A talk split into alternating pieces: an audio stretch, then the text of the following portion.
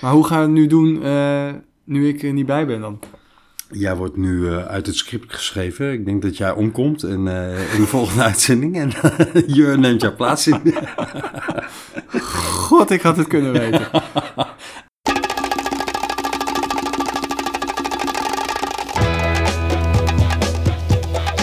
De Vele Podcast.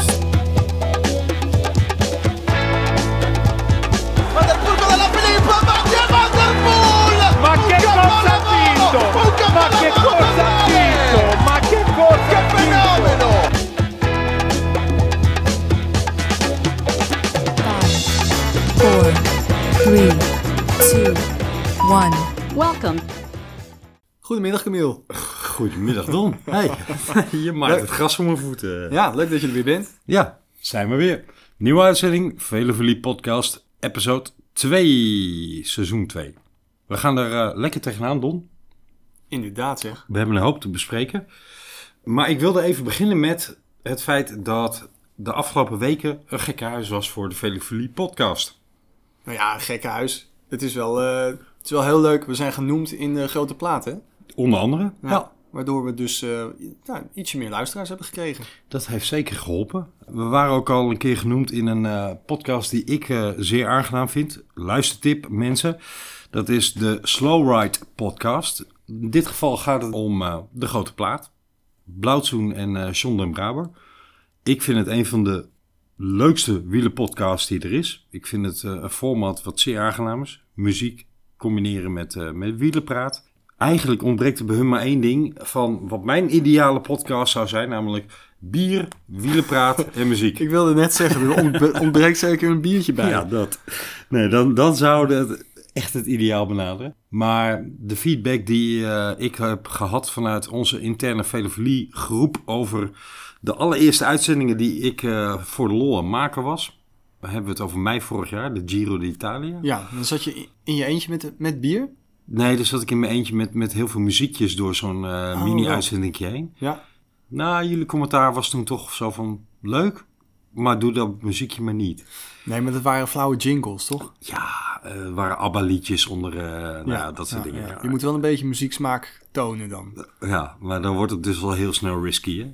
Voor jou wel? Voor mij wel, ja. Voor uh, en John den Braber niet, want dat mag toch als het muziekgeweten van Nederland gelden.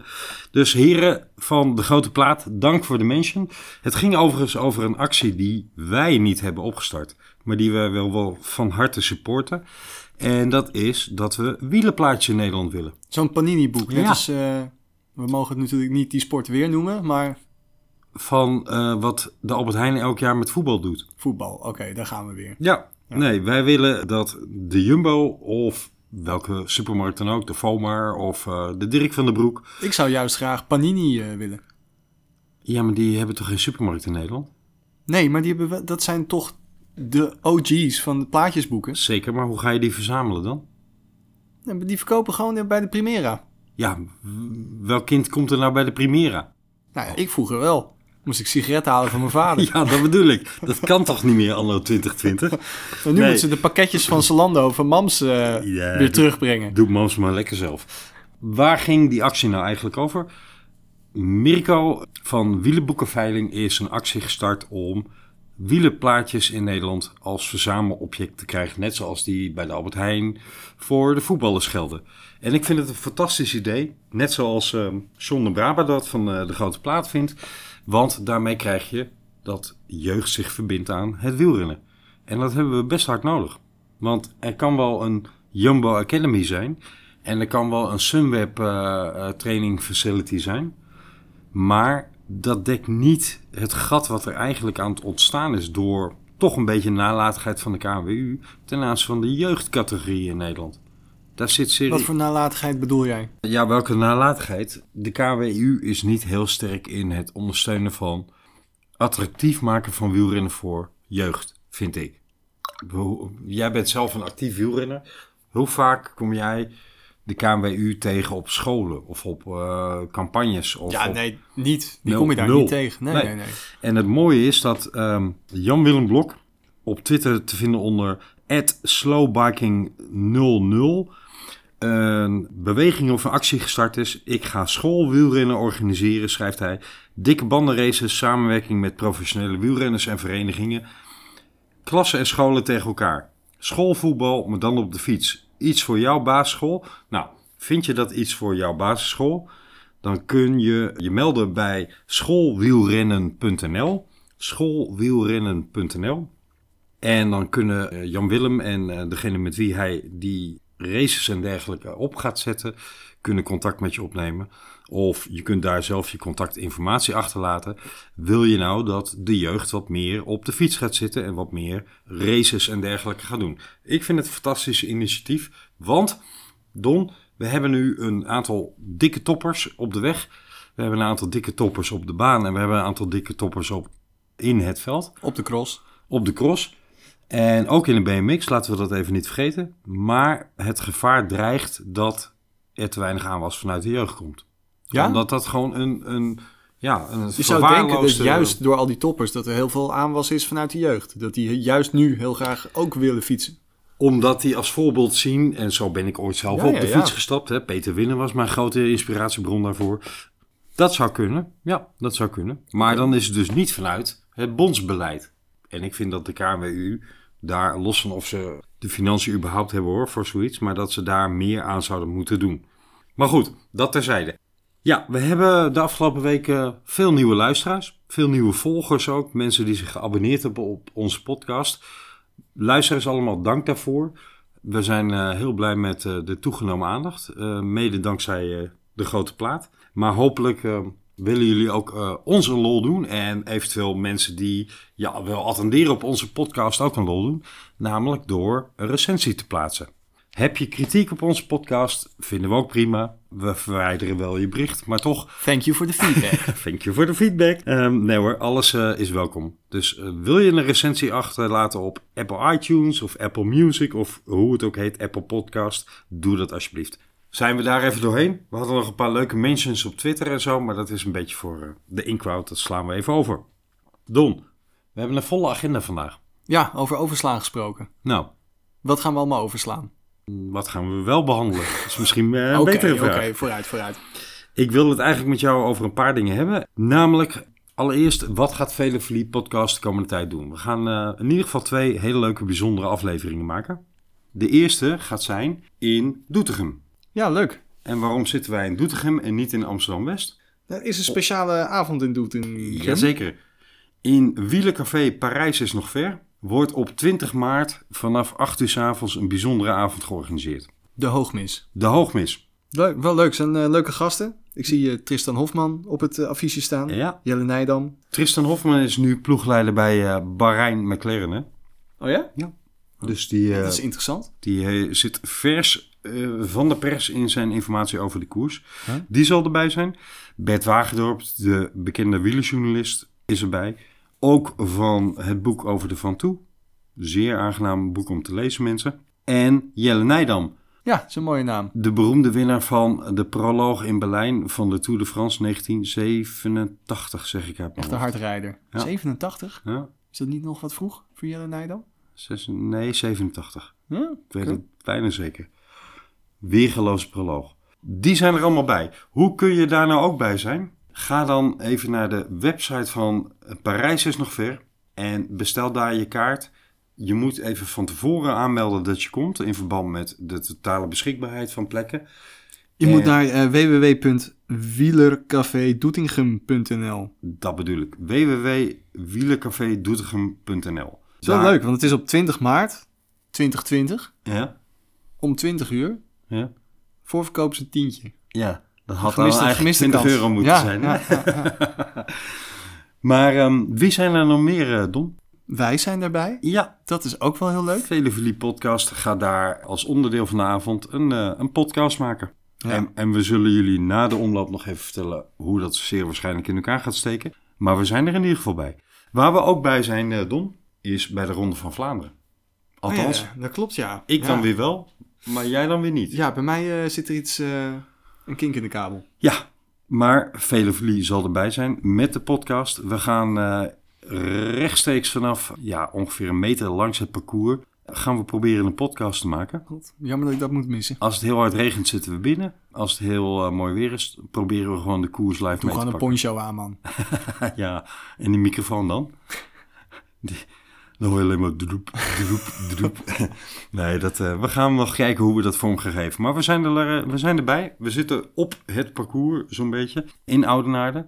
Op de Quaremont. Dus eh, dat wordt leuk. Ik heb er zin in.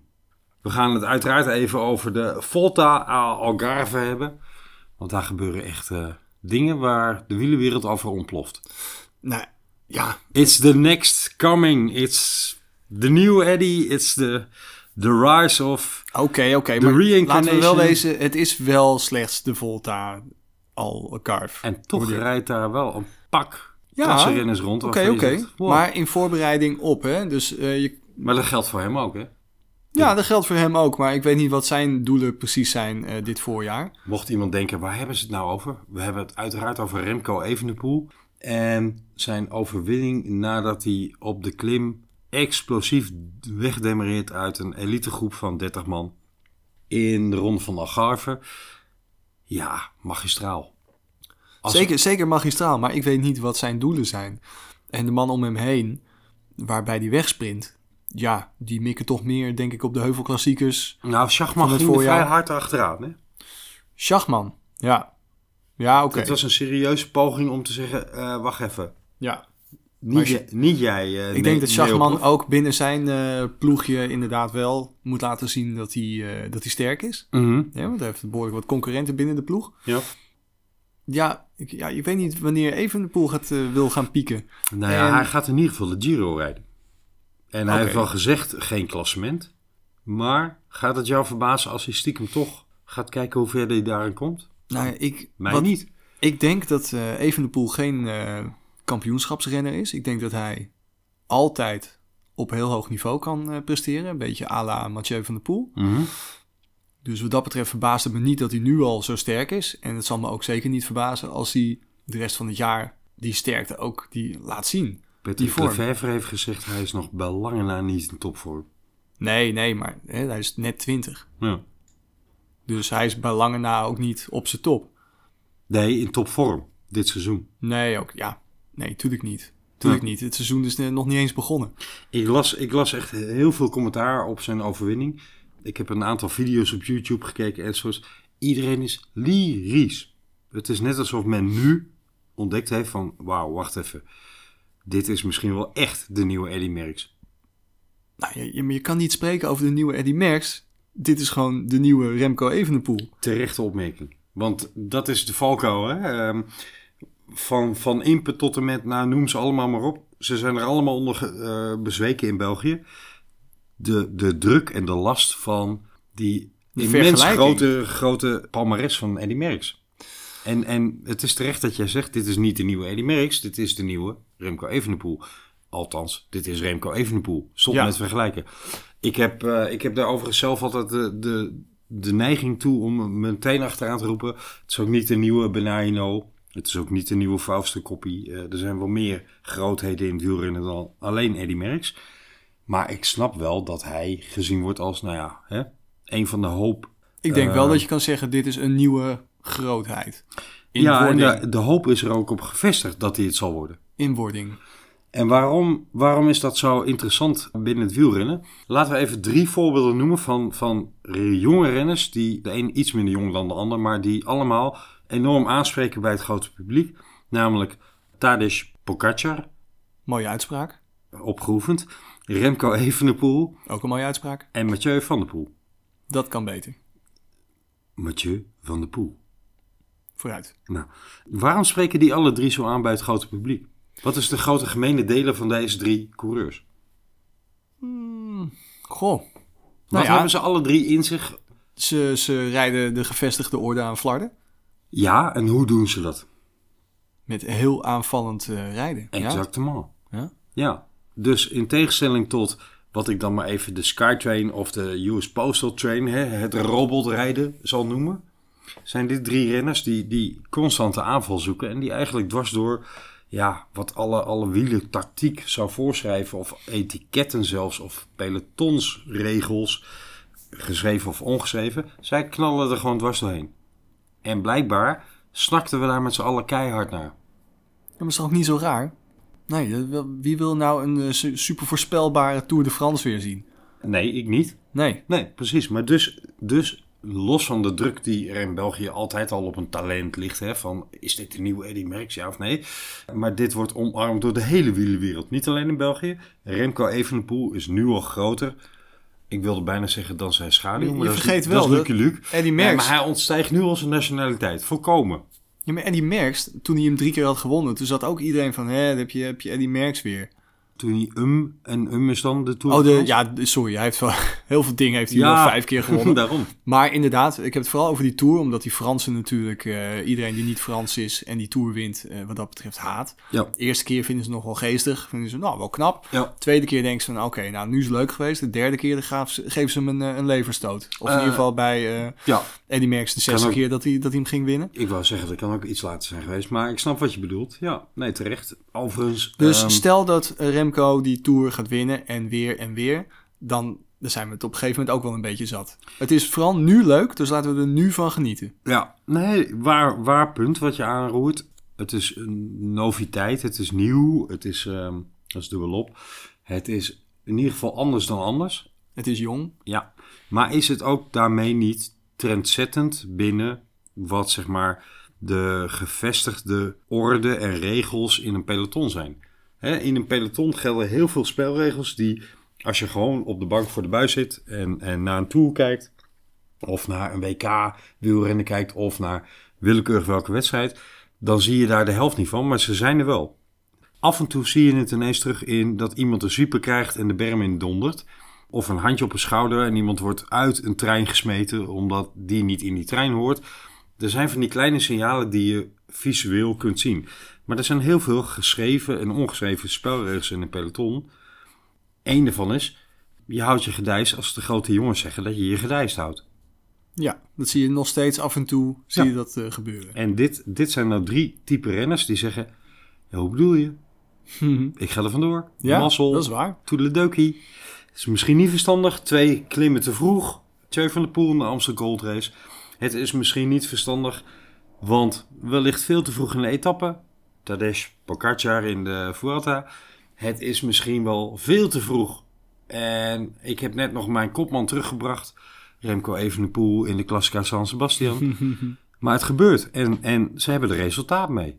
Ja, ja, ja. En misschien is dit wel de inspiratie voor een hele generatie wielrenners om te zeggen, ja, wat nou? Kun je in dat rijtje ook Ties Benoot noemen? Toen hij de Ja. Strade Bianchi won? Ja, eigenlijk wel, hè? Ja. Vergelijkbare wijze. Ja. Ja. Is denk ik ongeveer even oud als Mathieu van ja. der Poel. Maar die heeft sindsdien eigenlijk bijna niks meer gewonnen. Nee, maar die komt er wel weer dit voorjaar. Let nee, maar maar zou dat daar iets mee te maken hebben? Dat ze steeds zijn karretje in de poep rijden, omdat hij toen geen respect toonde? Hmm, zou kunnen. Mathieu heeft ook al gezegd hè, over eh, etappe 2 in de Algarve, waar hij er vandoor wilde. Hij zegt, de grote ploegen lieten me niet gaan. Nee. Dat kan. Kijk, vroeger had je Ben Aino en die kwam gewoon naast rijden. En die gaf je klop op je bakkers. Juist. Zo simpel als dat. Je krijgt gewoon echt letterlijk een mijlpeer. Dat gebeurt niet meer, want dan word je lineair naar huis gestuurd. Vanwege de camera's. Vanwege de En camera's. social media, et cetera. Ja, maar die Morris is er nog steeds wel. En ja, als Mathieu klaagt dat hij er niet vandoor mocht. Ja, dat zou kunnen dat Ties Benoot dat ook ondervindt. Ja, absoluut.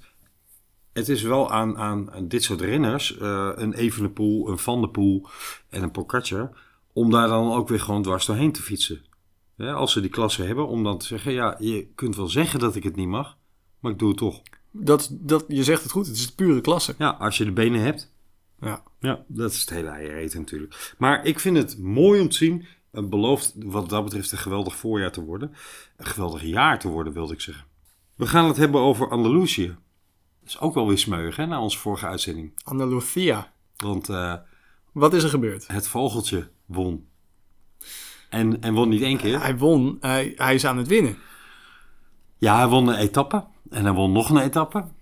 Al lag dat een beetje aan Hij rijdt nu nog steeds en in die aan, eh, leiderstrui. Hè? Vandaag is het, zaterdag. En vandaag weer, eh, hij werd tweede in de etappe. Ja. Hij liet iemand anders winnen. Maar hij pakte die gele trui, pakte hij nog even wat tijd voor. Ook weer een hoop commentaar gelezen.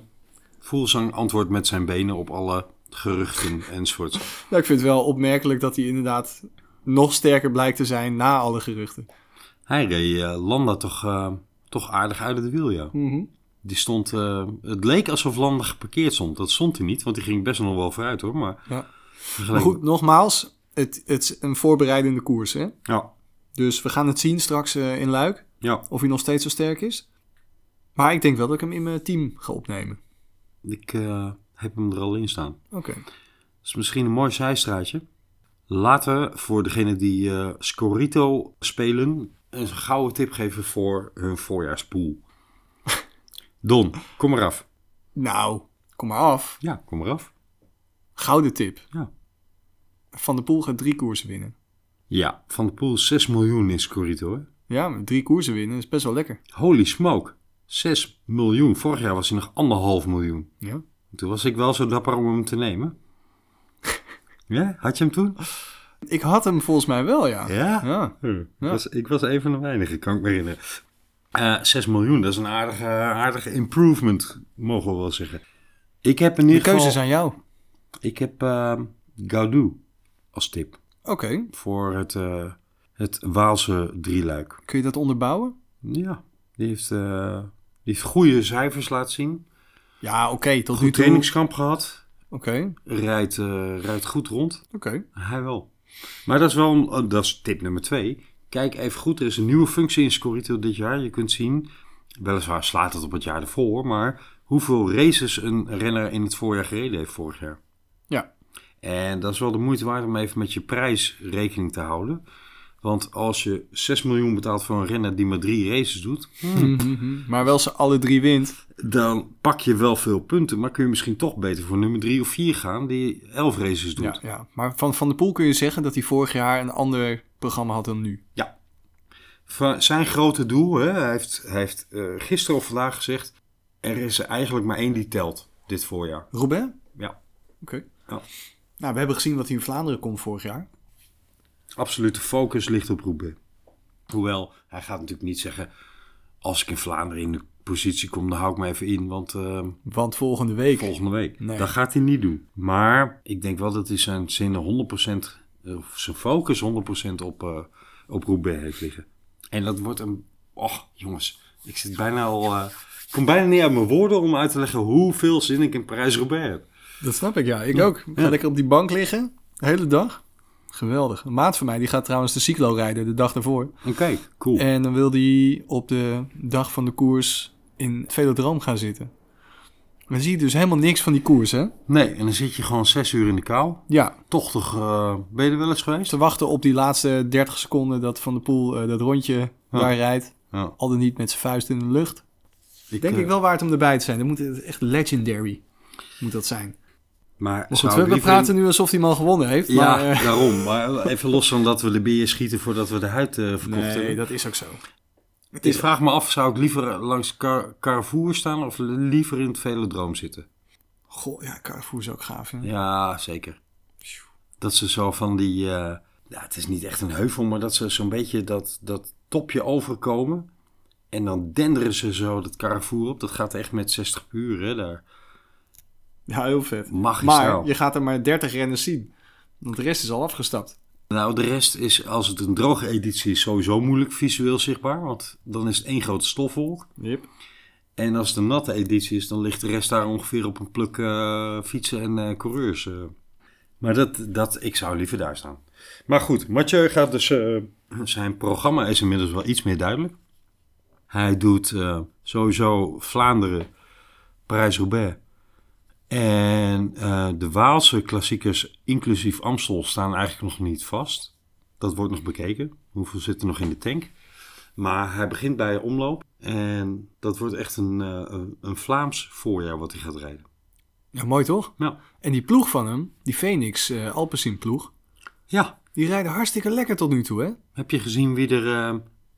eh werd hij tweede of derde in de sprint? Sascha Modelo. Ja. Ja, die werd tweede achter Kees Bol. Ja, en, en voor Fabio Jacobs. Ja, ja, ja. ja. Terug van weg geweest. Daar lijkt het op. Ja, het is een mooi veld om uh, in tweede in te worden. Oh. Maar verandering van spijs doet bij Modelo ook eten. Nou, Want nogal. die EF-ploeg het afgelopen jaar, dat was helemaal niks voor hem. Nee. Maar, zeg ik dan ook alweer heel eerlijk, jij hebt het niet zo op IF. En ik, Ik heb daar nu niks negatiefs over gezegd, behalve dat Modelo daar vorig jaar niet presteerde. Nee, oké, maar eh, dat- wij, wij hebben een beetje dezelfde interpretatie van hun social media beleid. Maar ze rijden wel goed. Ze, Ja, pakken- ja, dat ze maken wel resultaten. Ja, dit ja, dat klopt. Dat geef ik ruiterlijk toe. ja. Dus eh, je kunt ook zeggen, ja, is Modelo niet te vroeg weggegaan?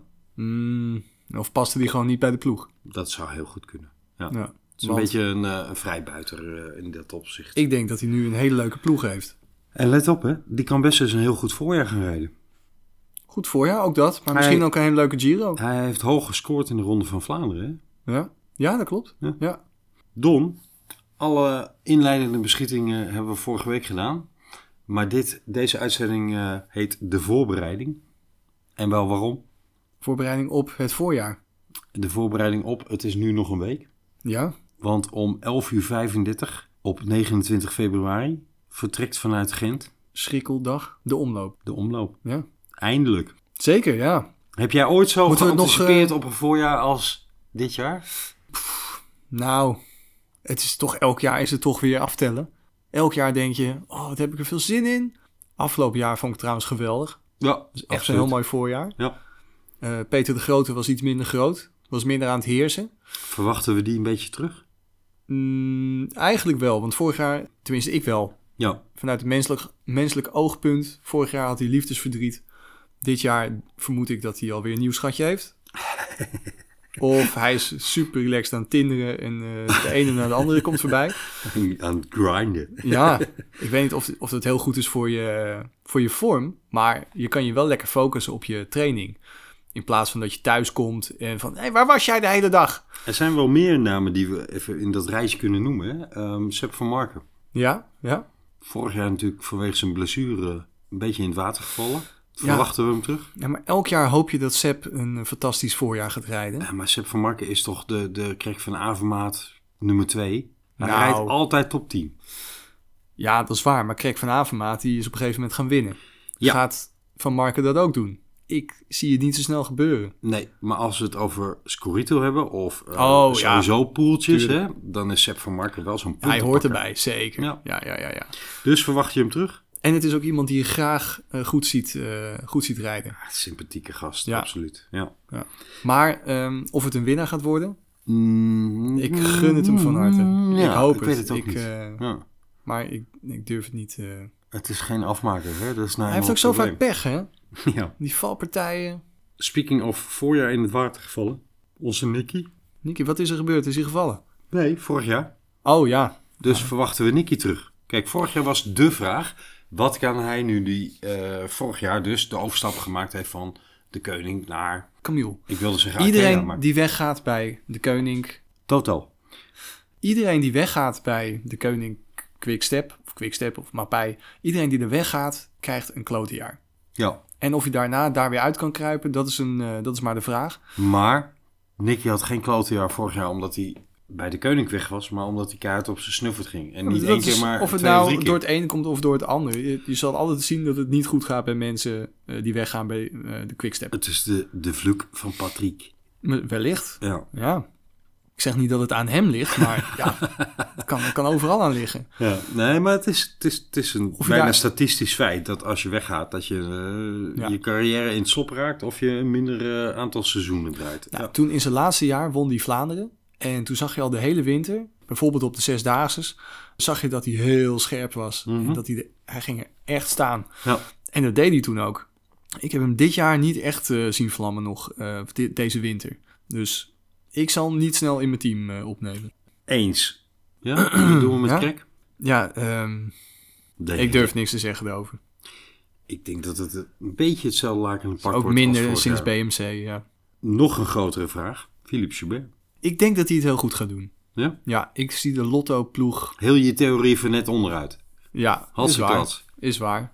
ja, ik, ik, ja, I stand corrected. Maar eh, ik zie Philippe Gilbert meer als een, ehm, een zeer zelfstandige renner. Die regelt het wel dat hij eh, goed is. Mike Teunissen.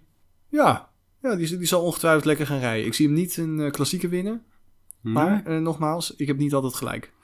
Ik schat zo dat Mike Teunissen drie keer top 10 gaat rijden. Oh, Oké. Volgens mij in wereld. Als hij de vrijheid krijgt dan, ja. Porque non? Ties Benoot hebben we het al even over gehad, maar de vraag is wel... Ties Benoot die gaat het goed doen. Ja, maar hoe zit het met die ploeg om hem heen in het voorjaar? Nou, Kijk, jij Sunweb draait aardig. Dat zagen we aan het sprinttreintje van Kees Bol. Daar komen Dat wil ik zeggen. Nou, niet alleen dat, maar ze hebben meer koers al gewonnen nu. Ja, maar hoe zit het met hun voorjaarsequipe? Die is niet zo heel dik, hè? Nou, er zitten wel een paar goede jongens bij. Matthews, Benoot.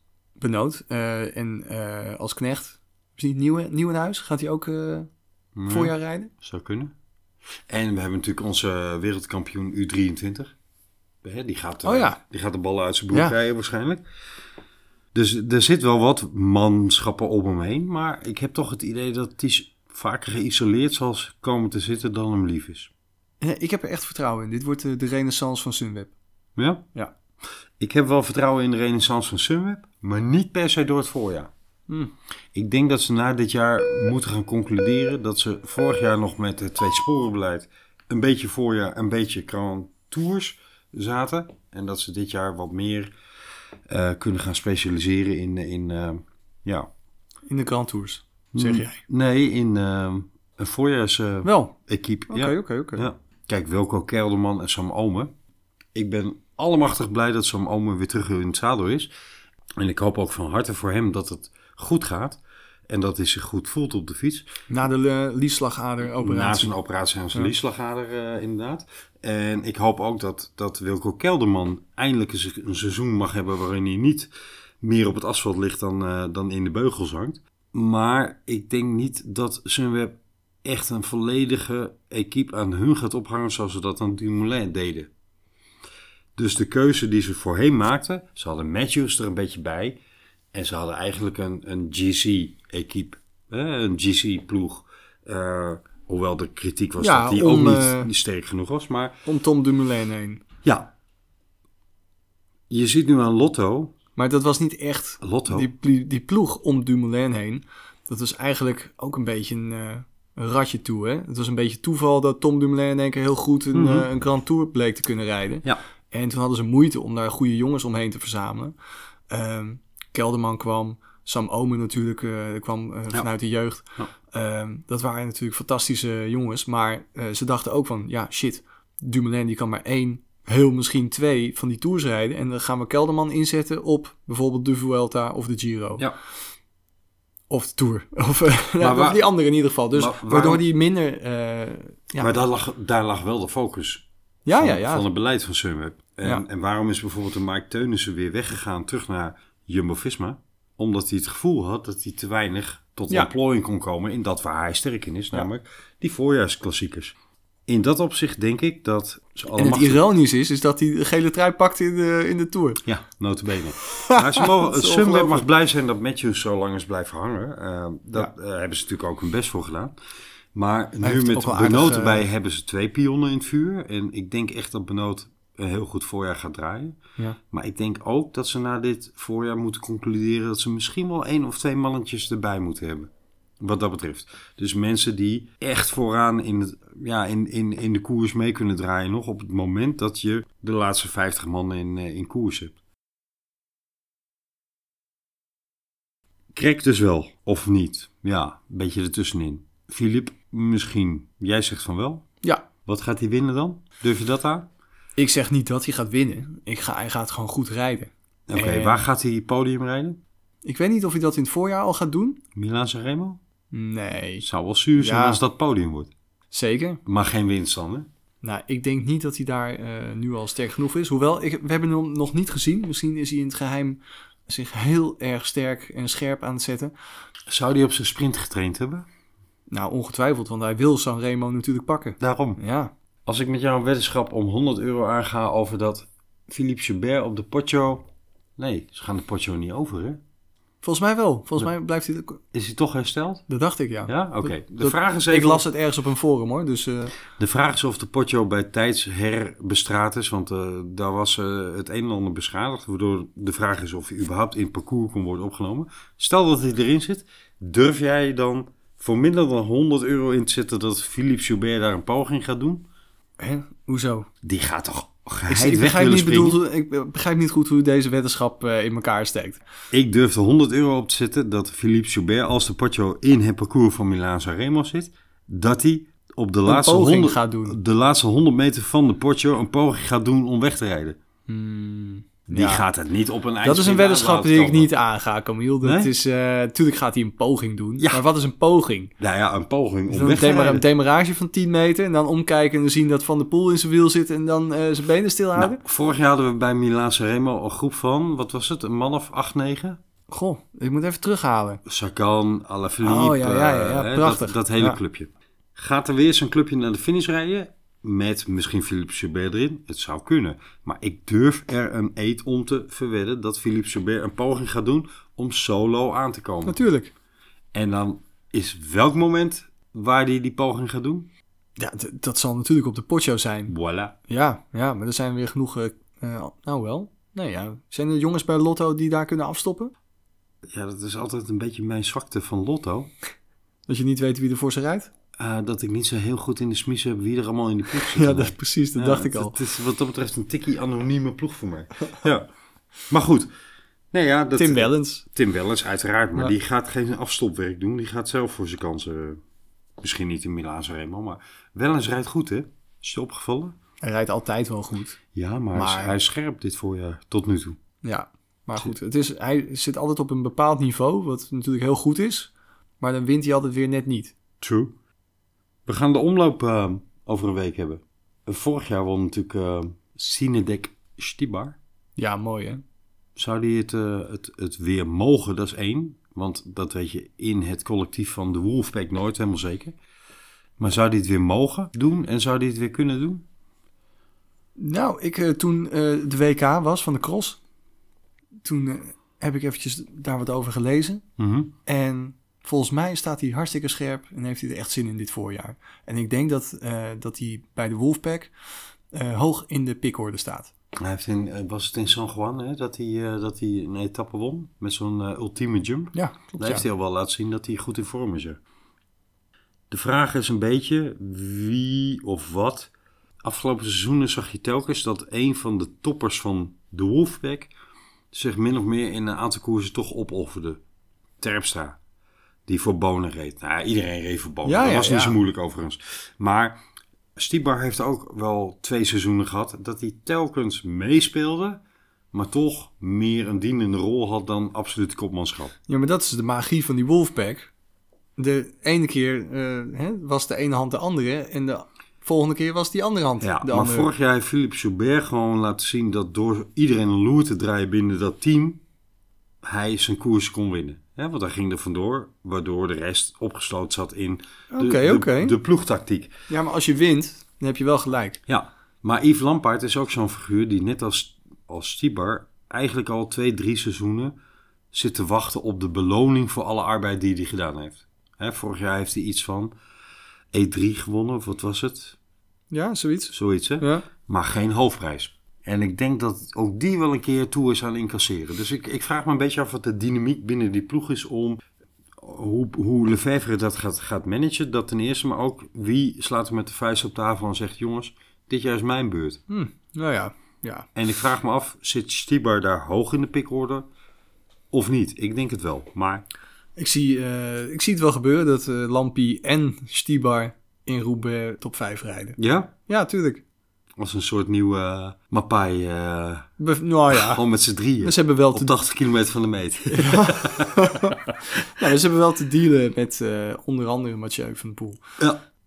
Ja, er zullen ongetwijfeld ook nog andere jongens meedoen. hè. Ik zei, Sagan zal weer sterk zijn dit seizoen, dus die zal eh, denk ik daar ook weer meedoen. Maar ik zie het wel gebeuren dat die twee, eh, de twee top dogs zijn van de Wolfpack.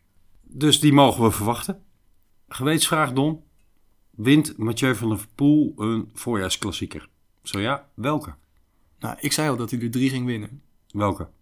Sanremo, Vlaanderen en Roubaix. Oh, wauw. Zo Remo ook. Even shit, man. Oké. Ja, daar kan ik, hoezeer ik ook Mathieu van der Poel fan ben. En hoezeer wij als Vele Verlie podcast ons ook verbonden hebben aan een, een game op Twitter. Waarbij wij superfan van Mathieu zijn. Kan ik me toch niet bij aansluiten. Auw, doet pijn deze. Ik denk dat hij er eh, één pakt. Oké, nou, dat zou ik ook vertekenen. Maar, Maar, dan is de eh, vraag, wint hij Ronde van Vlaanderen of wint hij Parijs-Roubaix? Ja, nou, jij hebt al gezegd dat hij Roubaix gaat winnen. Ja. Of in ieder geval dat hij daar de focus op ligt. Ja. Ja. Ja, precies. Dat is heel iets anders. Ja, nou goed. En wat, wat ik schets is natuurlijk het ideale droomscenario. Maar ja. De eh, romanticus in jou kwam naar boven. Mhm. Mhm. Oké. Ja. Mag. Terecht. De romantiek kwam na de renaissance. Ik denk dat die ehm Roubaix, hoewel het meer voor de hand ligt, niet wint.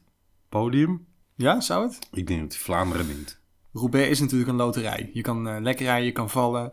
Er kan niemand voor je vallen. Ja. Eh, je kan, eh, ja, door, dat, door een valpartij kun je achterin geraken. Bos van Valère moet je voorin zitten. Roubaix is meer een loterij dan Vlaanderen. Zeker, zeker. Allebei stevige, zware koersen. Maar Vlaanderen heeft iets meer eh, in zich dat... eh, ik zal voor altijd herinneren hoe Matthew Heyman Roubaix won. Ja, ja, ja. En, en ja, dat heb je in Roubaix eerder, dat soort uitschieters, dan in Vlaanderen. ja. In Vlaanderen kun je toch over het algemeen wel zeggen dat de echte grote krachtpatsers, de Herculessen van het peloton, eh, naar voren komen. Dus ik denk, Mathieu, ja, Vlaanderen, Roubaix, nee, nog niet. Oké, nou, Maar ik hoop van wel. We gaan het meemaken. Ik hoop van wel. hey Don, iets anders. Weet je wie weer terug op de fiets zit en in het peloton rondrijdt? Tell me. In het Midden-Oosten op het ogenblik. Nou, Is die al begonnen? Ja, Tom toch? Dumoulin? Nee, komen we zo op. Maar dit zal ook niet zo heel lang meer duren. Chris Froome. Oh ja, ja. In de... Wat kun je daarvan zeggen? Nou, nog niks, want eh, Nee. hij, is, eh, hij is onzichtbaar nog. Eh, Ik ga straks even die Twitter-feed eh, opzoeken van die, eh die samensweerder. Wat dan? Nou, die zal er wel weer een theorie omheen hebben bedacht waarom, eh, waarom hij is gesignaleerd in het peloton in het Midden-Oosten. Het is maar goed dat het niet op 6 februari start. Als vrijmetselaar. ja. ja.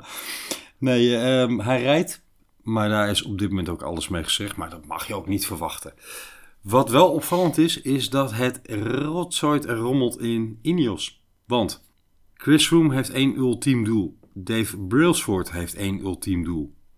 Die eigenaar van Ineos heeft één ultiem doel. Chris Froome moet en zal die vijfde Tour de France Kun je winnen. die doelen ook even benoemen? Want ik, eh, ik ben even kwijt. Wat is het doel van de eigenaar van Ineos? Dat hij met Chris Froome de vijfde Tour de France wint. Serieus? Ja. Hm. Ik weet niet. Ik denk dat de eigenaar van Ineos het al maar wat mooi vindt dat iedereen naar die ploeg kijkt. Omdat het daar rommelt. Ik denk dat het hem helemaal fluit is hoeveel mensen er naar zijn bedrijfsnaam op die shirts kijken. Ja? Ja, 0. Denk je dat hij gewoon fan van eh, Chris Froome is? Ik weet bijna zeker dat hij ingestapt is omdat dit doel in het verschiet ligt. Oké. En wat, wat is dan het doel van Brailsford? Die vijfde met eh, Chris Froome winnen. Hetzelfde doel. Ja. Hm. Oké. En het doel van Froome is de vijfde winnen. Val in geloof Oké, dus we hebben hier nog steeds maar over één doel. Ja. En welke andere doelen zijn er nog meer? Voor Ineos? Nou, niet. Behalve dat Geraint Thomas, Geraint Thomas heeft geroepen... Ik ben nog nooit zo scherp aan een nieuw jaar begonnen als dit jaar. Ja, oké. die schikt zich niet en die plooit zich niet automatisch in het ultieme doel van Chris Froome moet de vijfde Tour de France eh, dit jaar gaan winnen. Oké. Dat is één. Geraint Thomas, de dagen dat hij eh, stilzwijgend aan het knechten was voor, eh voor Froome, nou, liggen een beetje achter ons. Oké, oké. Nou, ehm, Maar dan, dan, heb je dus de, de, de man die de eigenaar van de sponsor en de, de ploegbaas achter zich heeft staan... versus Grijn Thomas die eh, de Fox Populi heeft. De stem van het volk. Wellicht, wellicht. Maar de vraag is natuurlijk, wat gaat bijvoorbeeld Brailsford doen om op het moment dat... En dan, dan springen we even vooruit in het seizoen hoor. Maar dat in juli dit jaar Thomas toch sterker blijkt te zijn dan Froome. Nou, wat gaat daadwerkelijk gebeuren? Als dat zo is, dan denk ik dat hij eh Froome misschien wel niet meeneemt naar de Tour. Ik denk dat ze Froome hoe dan ook meenemen naar de Tour. Oké. Al is het maar om 1% kans. Ik kan me niet voorstellen dat ze Froome meenemen als hij maar op eh 80% is van zijn kunnen. Dat is misschien wel heel ver af van, van waar die zou moeten zijn hè, om kans te maken. Maar ik denk dat ze er alles aan gaan doen. En in het verleden hebben ze bewezen dat ze renners daarvoor klaar kunnen krijgen bij Ineos. Goed schiks dan wel kwaad schiks. Hè, dat is nog even een ander verhaal. Daar eh, zal in, in maart, april meer duidelijkheid over komen in de rechtbank. Voor wie waren nou die testosteronpleisters?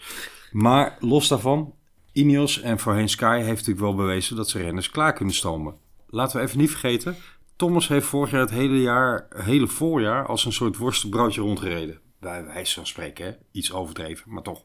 Hij was veel te zwaar. Heb jij in de Tour één moment gedacht dat hij niet een kanshebber was om hem te kunnen winnen?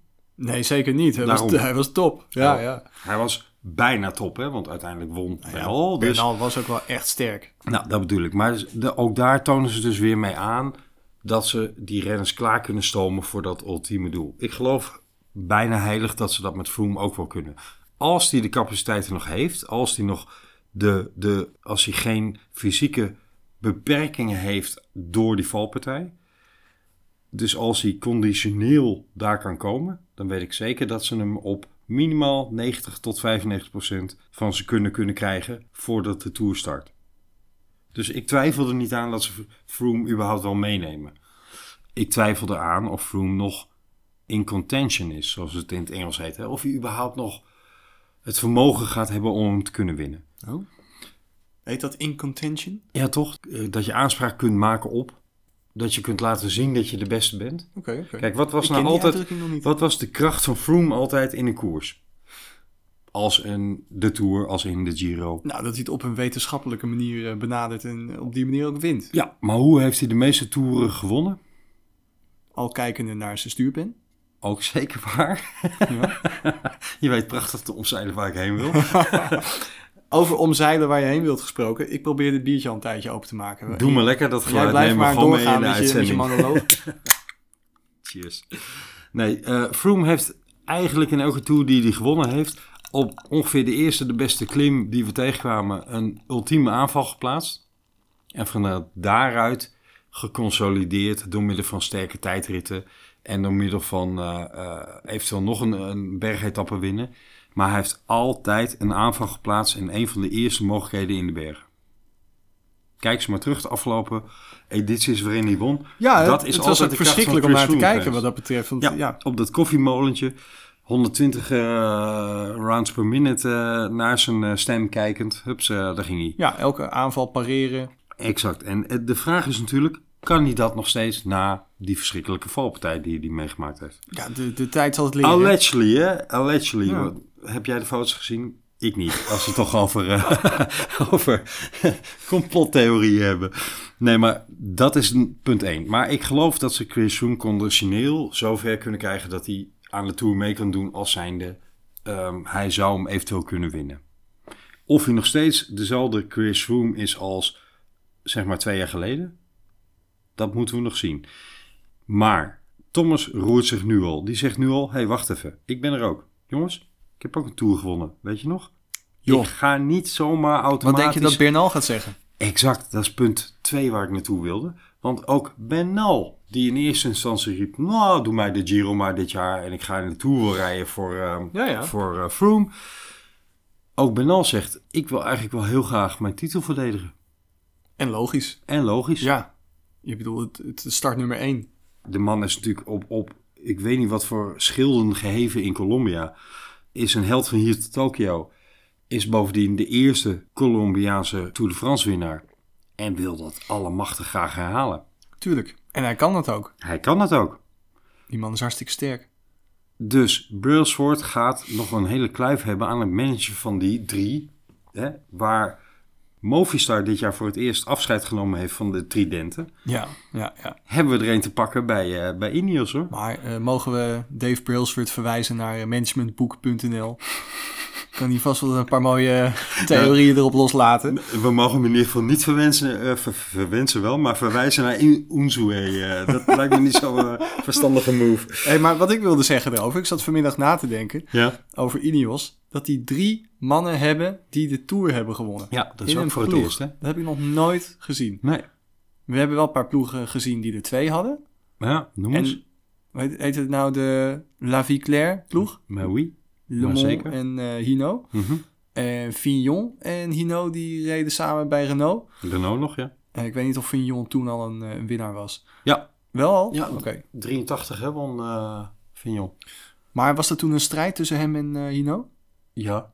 Ja? Was dat een strijd? 84 kwam Hino terug, maar was hij nog niet in topvorm. En won Hino eh Vignon de tweede Tour van hem. Mhm.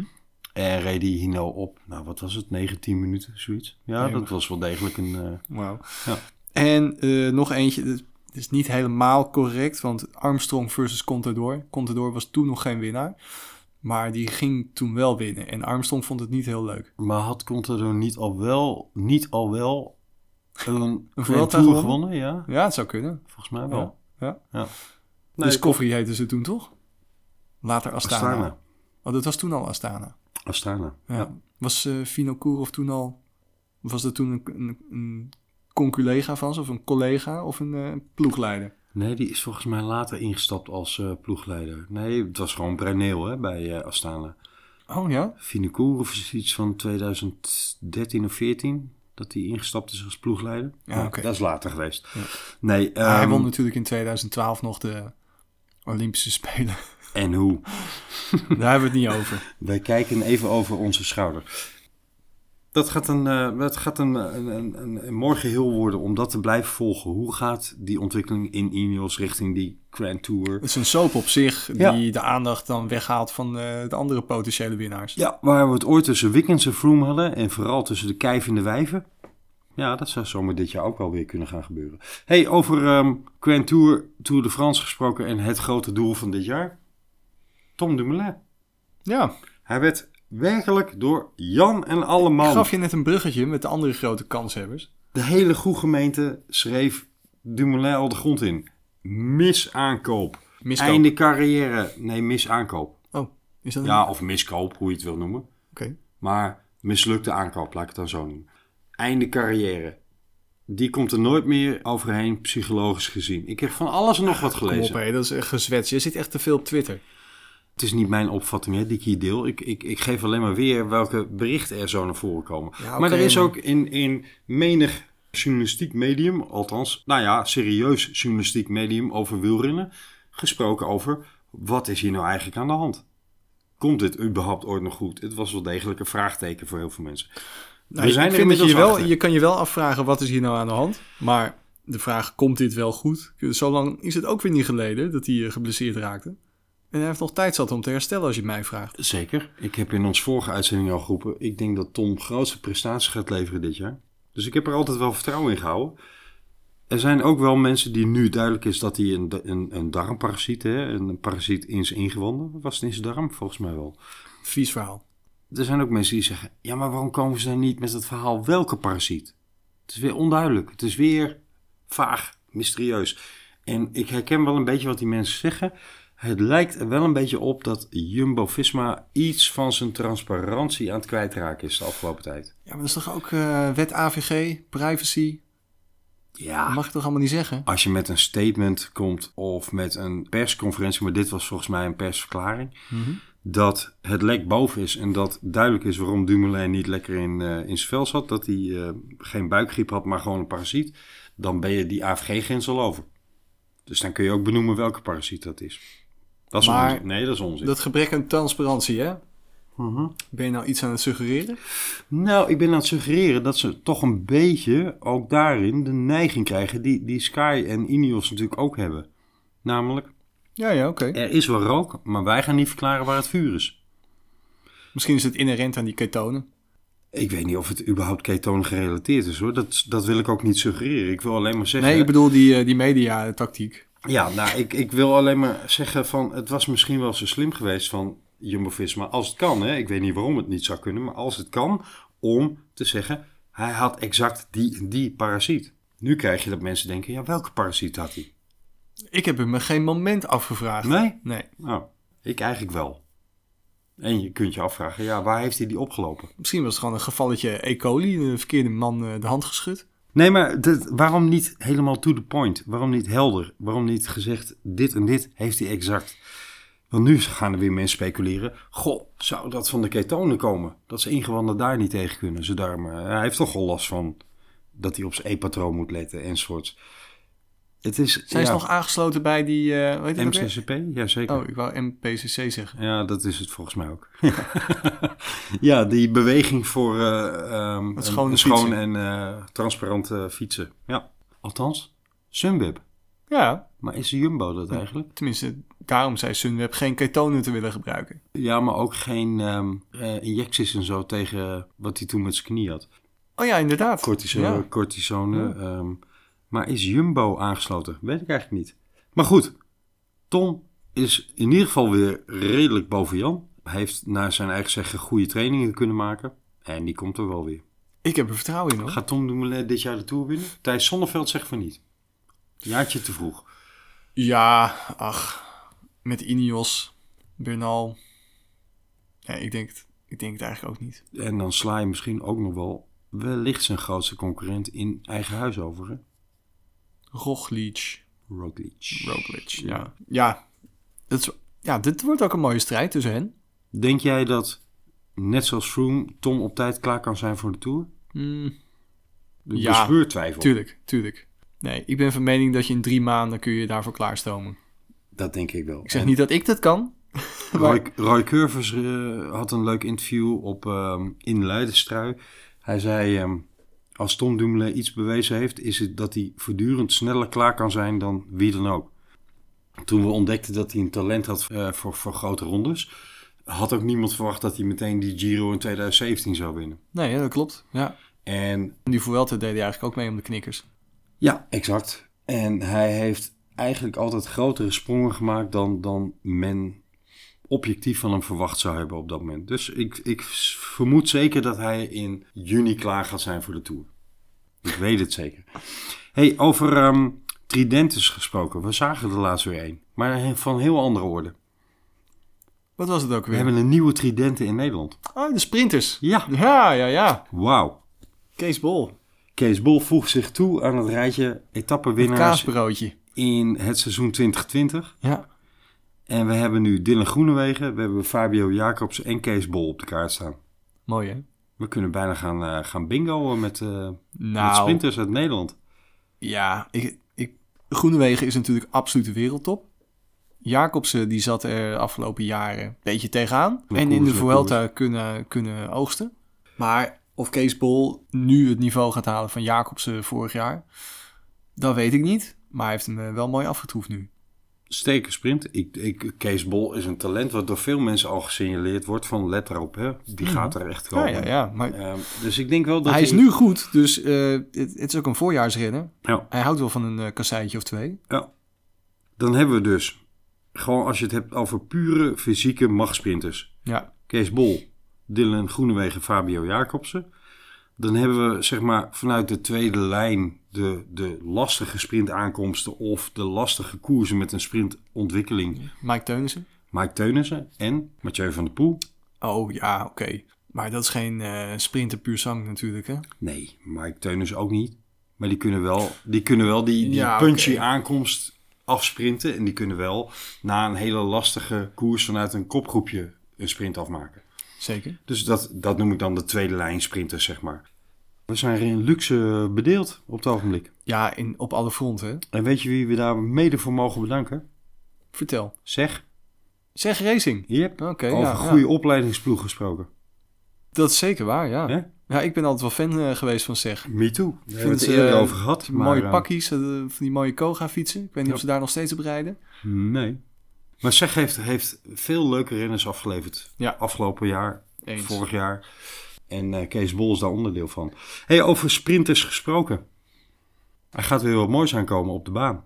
Oh, man, man, man. Het WK. Ik heb er echt heel veel zin in. Ja, nog een weekje ook, hè? Ja. Dan eh, moeten we en naar eh, het openingsweekend kijken. Omloop, Omloop, en ja. Kuurne. 11 uur 35 vertrek in Gent. Ja, ja, ja. Op zondag. Maar dan kunnen we Nee, s'avonds... zaterdag. Ik zeg wel zondag, zaterdag. Nee, hè, zaterdag is de omloop. Ja.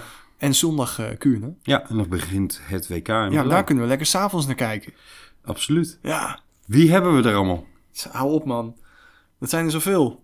Nou, laten we er even... Ook op alle fronten doen we mee. Mannen en vrouwen. Zeker doen we ook bij de vrouwen mee. Maar Ja, laten we even een alleen paar- op de, de achtervolging eh, doen we niet mee. Nee. Eh, dat is zowel trouwens- bij de mannen als de vrouwen. Wat wel weer een heel mooi onderdeel is. Ja, daar doen vooral de Denen eh, gooien hoge ogen. Excuse me. En die Italianen dan? Ja, ook. Die Ganna. Eh, Ghana, ja zeker. Ja, die gaat ook nog wel op de Ja. kilometer.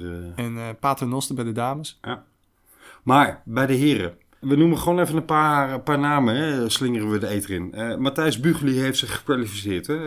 Lazen we via de iets wat onduidelijke nieuwsvergaring omtrent de bike-off in Kretchen. Nee, het, ja, hou op. Ik kon er helemaal niks over vinden. Alleen het is eigenlijk niet te volgen. via de Twitter-feed van Beat. Ja, nou ja, dat betekent in mijn optiek, maar beste mensen van Beat, corrigeer ons als wij hiernaast zitten, maar dat Matthijs Bugli in plaats van Jeffrey Hoogland gaat rijden. Mm, nou, volgens mij hebben ze een vierde man meegenomen. Dus dan is het NN. Ja, volgens mij wel. Dat is overigens ook de bedoeling om in Tokio te gaan doen. Hè? Ja, Dat is de hele discussie om één weglicentie te verplaatsen naar de baanploeg, zodat ze als een van de weinige baanploegen vier man kunnen inzetten in plaats Ja. van drie man. Hè? Eentje voor de heats of om en om in de heats, zodat je altijd een verse man hebt, zeg maar. Maar wie hebben we? Harry Lefrijzen is een zekerheid. Die gaat in de teamsprint op plek 2 rijden. zeker. Ja? Ja. Wie hebben we in de start? Roy van den Berg, Of? Mr. eh, Quads Ja? of eh, Niels van het Hoenderdaal. Ja. En mij is niet duidelijk wie van de twee zich gekwalificeerd heeft. Volgens mij Roy van den Berg. Ja? Oké. En dan hebben we Matthijs Bugli volgens mij op het WK. Maar er komt ook nog zoiets als een soort van bike-off in juni, volgens mij ergens. Voor de Spelen. Voor de Spelen.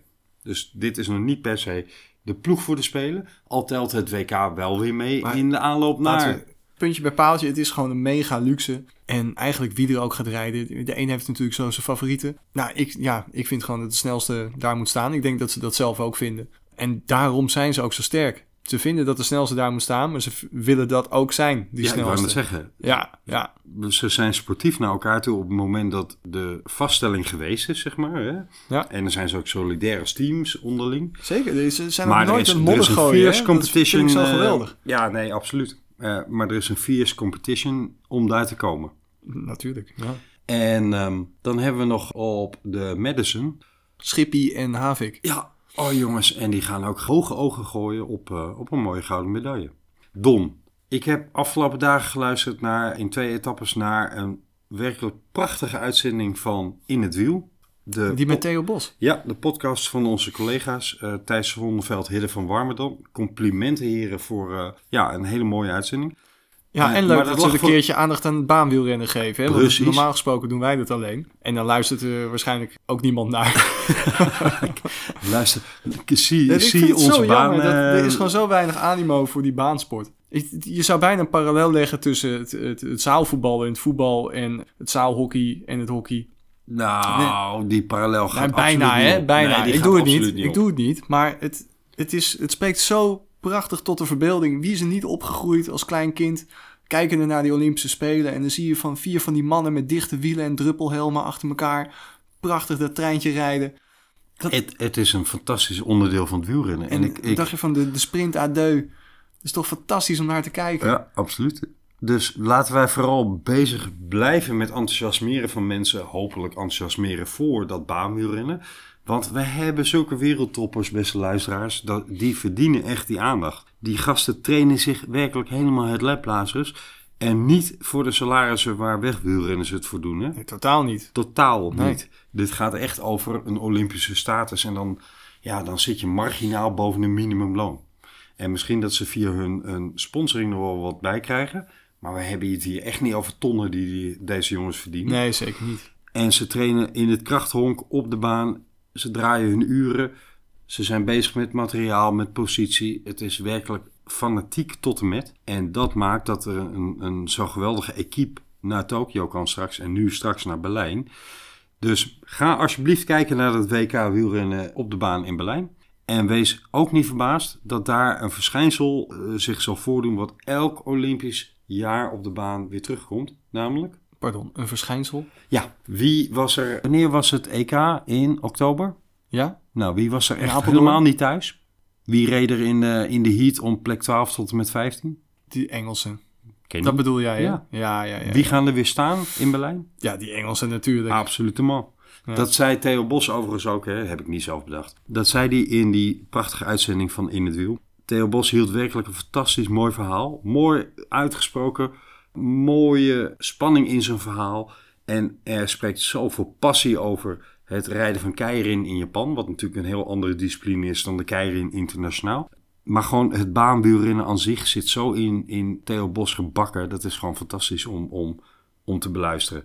Dus complimenten Theo Bos, werkelijk. Je hebt eh, mij als baanwielrenner, baanwielrenner liefhebber, maar hij heeft me nog meer geenthousiasmeerd. En ik, ik me van tevoren te bedenken, is dat überhaupt mogelijk? Ja, absoluut. Jij zei echt dat het een van de beste podcasts Ja. was die je ooit hebt geluisterd. En jij hebt er heel veel geluisterd, weet ik. Dit is absoluut een van de beste wielrenpodcasts die ik überhaupt ooit gehoord heb. Zeker weten. Ja. Ja, tof. En dat komt door de manier waarop Theo Bos zijn verhaal doet. Ja, Echt super dik.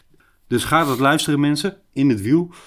De uitzending met Theo Bos. Theo Bos gaat overigens ook naar het eh, WK hè, in Berlijn. Eh, gaat daar weer een poging doen op de kilometer. ja. En ik hoop, dat vet. hij, ik hoop dat hij hoge ogen kan gooien. Nou, hij rijdt wel vaak podium. Ik hoop dat hij, eh, dat hij die wereldtitel nog kan pakken.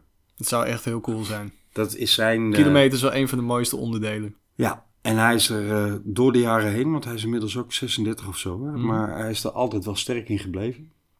Bovendien heb ik begrepen dat ook zijn Keirin uitnodiging in Japan daar een beetje van afhangt. Dus Oh. daarin gun ik het hem wel. Maar bovendien, Mm. het zou toch mooi zijn als hij met, met nog één keer dat regenboogshirt eh, kan afsluiten. Want hij nadert wel het einde van zijn baancarrière natuurlijk. Ja, maar logisch ook. Als sprinter, hè, dan ben je vaak, als je wat jonger bent, ben je natuurlijk op je top. Dus des te knapper. Zeker. Ja, de man van de souplesse. Don, het wordt een eh, prachtig seizoen. En we zijn steeds dichter bij het punt dat we eindelijk eens over de koers zelf praten. En natuurlijk doen we dat nu ook met uh, Volta Algarve. En, en eh, Ja, maar dit is allemaal training. het is allemaal voorbereiding.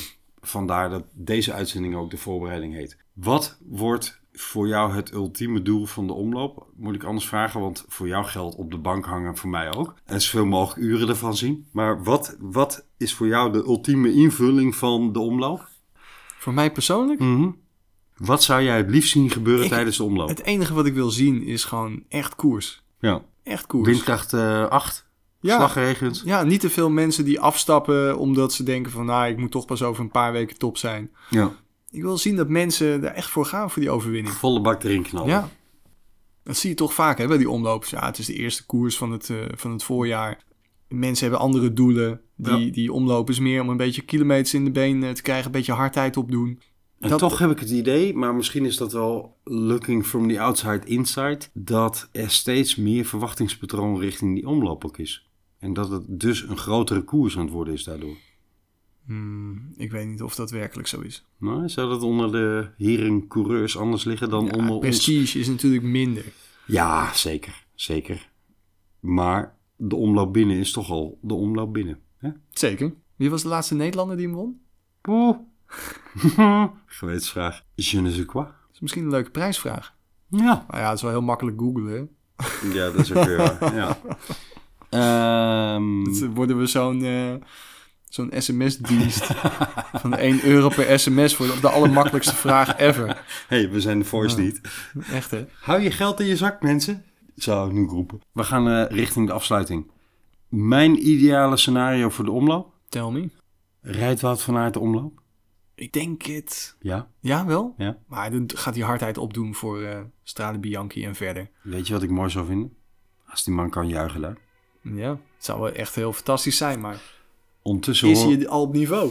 ondertussen horen we ook sirenes op de achtergrond. Dat is ook een beetje traditioneel van onze uitzending. Ja, maar het is wel heel erg, eh, ja, een beetje gek dat, je, dat het gebeurt terwijl je het over Wout van hebt. Wout, ik hoop dat je een wereldkoers gaat rijden. Ik verwacht niet dat je hem gaat winnen, maar ik hoop het wel. Het wordt in ieder geval wel prachtig. Ja, we hebben er zin in, Don. Ik ook. Laten we klinken op het WK baanwielrennen in Berlijn. In het op- openingsweekend. De omloop Het Nieuwsblad. En laten we even afsluiten met Het Nieuwsblad dan. Had jij het bericht gezien hoe het Nieuwsblad een kop bij elkaar geknipt en geplakt had? Van uitspraken van Michel Cornelissen, de ploegleider van Mathieu van der Ik Poel. wilde het eigenlijk daar niet over hebben, want daarmee wordt de naam van die hele koers eh, eigenlijk te schande gedaan. Ja, maar die, dit was echt Irijnse sensatieknipwerk. Ja, het lijkt Het leek- telegraaf wel. Het leek echt helemaal nergens op. Eh, ik heb een beetje journalistieke achtergrond en ik weet dat een kop altijd iets van aantrekkingskracht moet hebben. Maar dit was je reinste, je reinste sensatie. Clickbait. Oh mensen, Ja. dit was schandalig slecht. Dus, Nieuwsblad, trek daar lering uit. Doe nooit meer zo slecht als u deed. Ik heb zin in eh, de omloop. Laten we Nogmaals. gewoon de omloop het volk noemen. En Kuurne en de WK-baan Cheers, mate. Cheers. Dat was weer een fijne uitzending. Dank voor het luisteren, beste luisteraars. Wil je hier iets aan toevoegen? Vind je dat we iets onbenoemd hebben gelaten? Of vind je juist dat we ergens over gesproken hebben waarvan je denkt, dat zit toch heel anders? Laat het ons weten. veleveliepodcast.gmail.com Je kunt ons ook vinden op Twitter, Velevelie.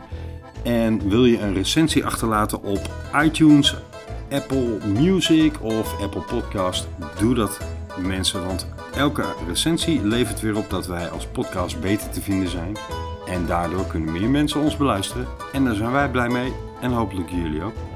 Dank voor het luisteren. En eh, we spreken jullie snel, namelijk kort na de omloop, het nieuwsblad. Alvast een hele En fijne Kuurne, koers. denk ik, gaan we ook nog even kijken. Huh? Dat zou kunnen dat we daarna komen. Oké, oké. Goeie oké. koers gewenst.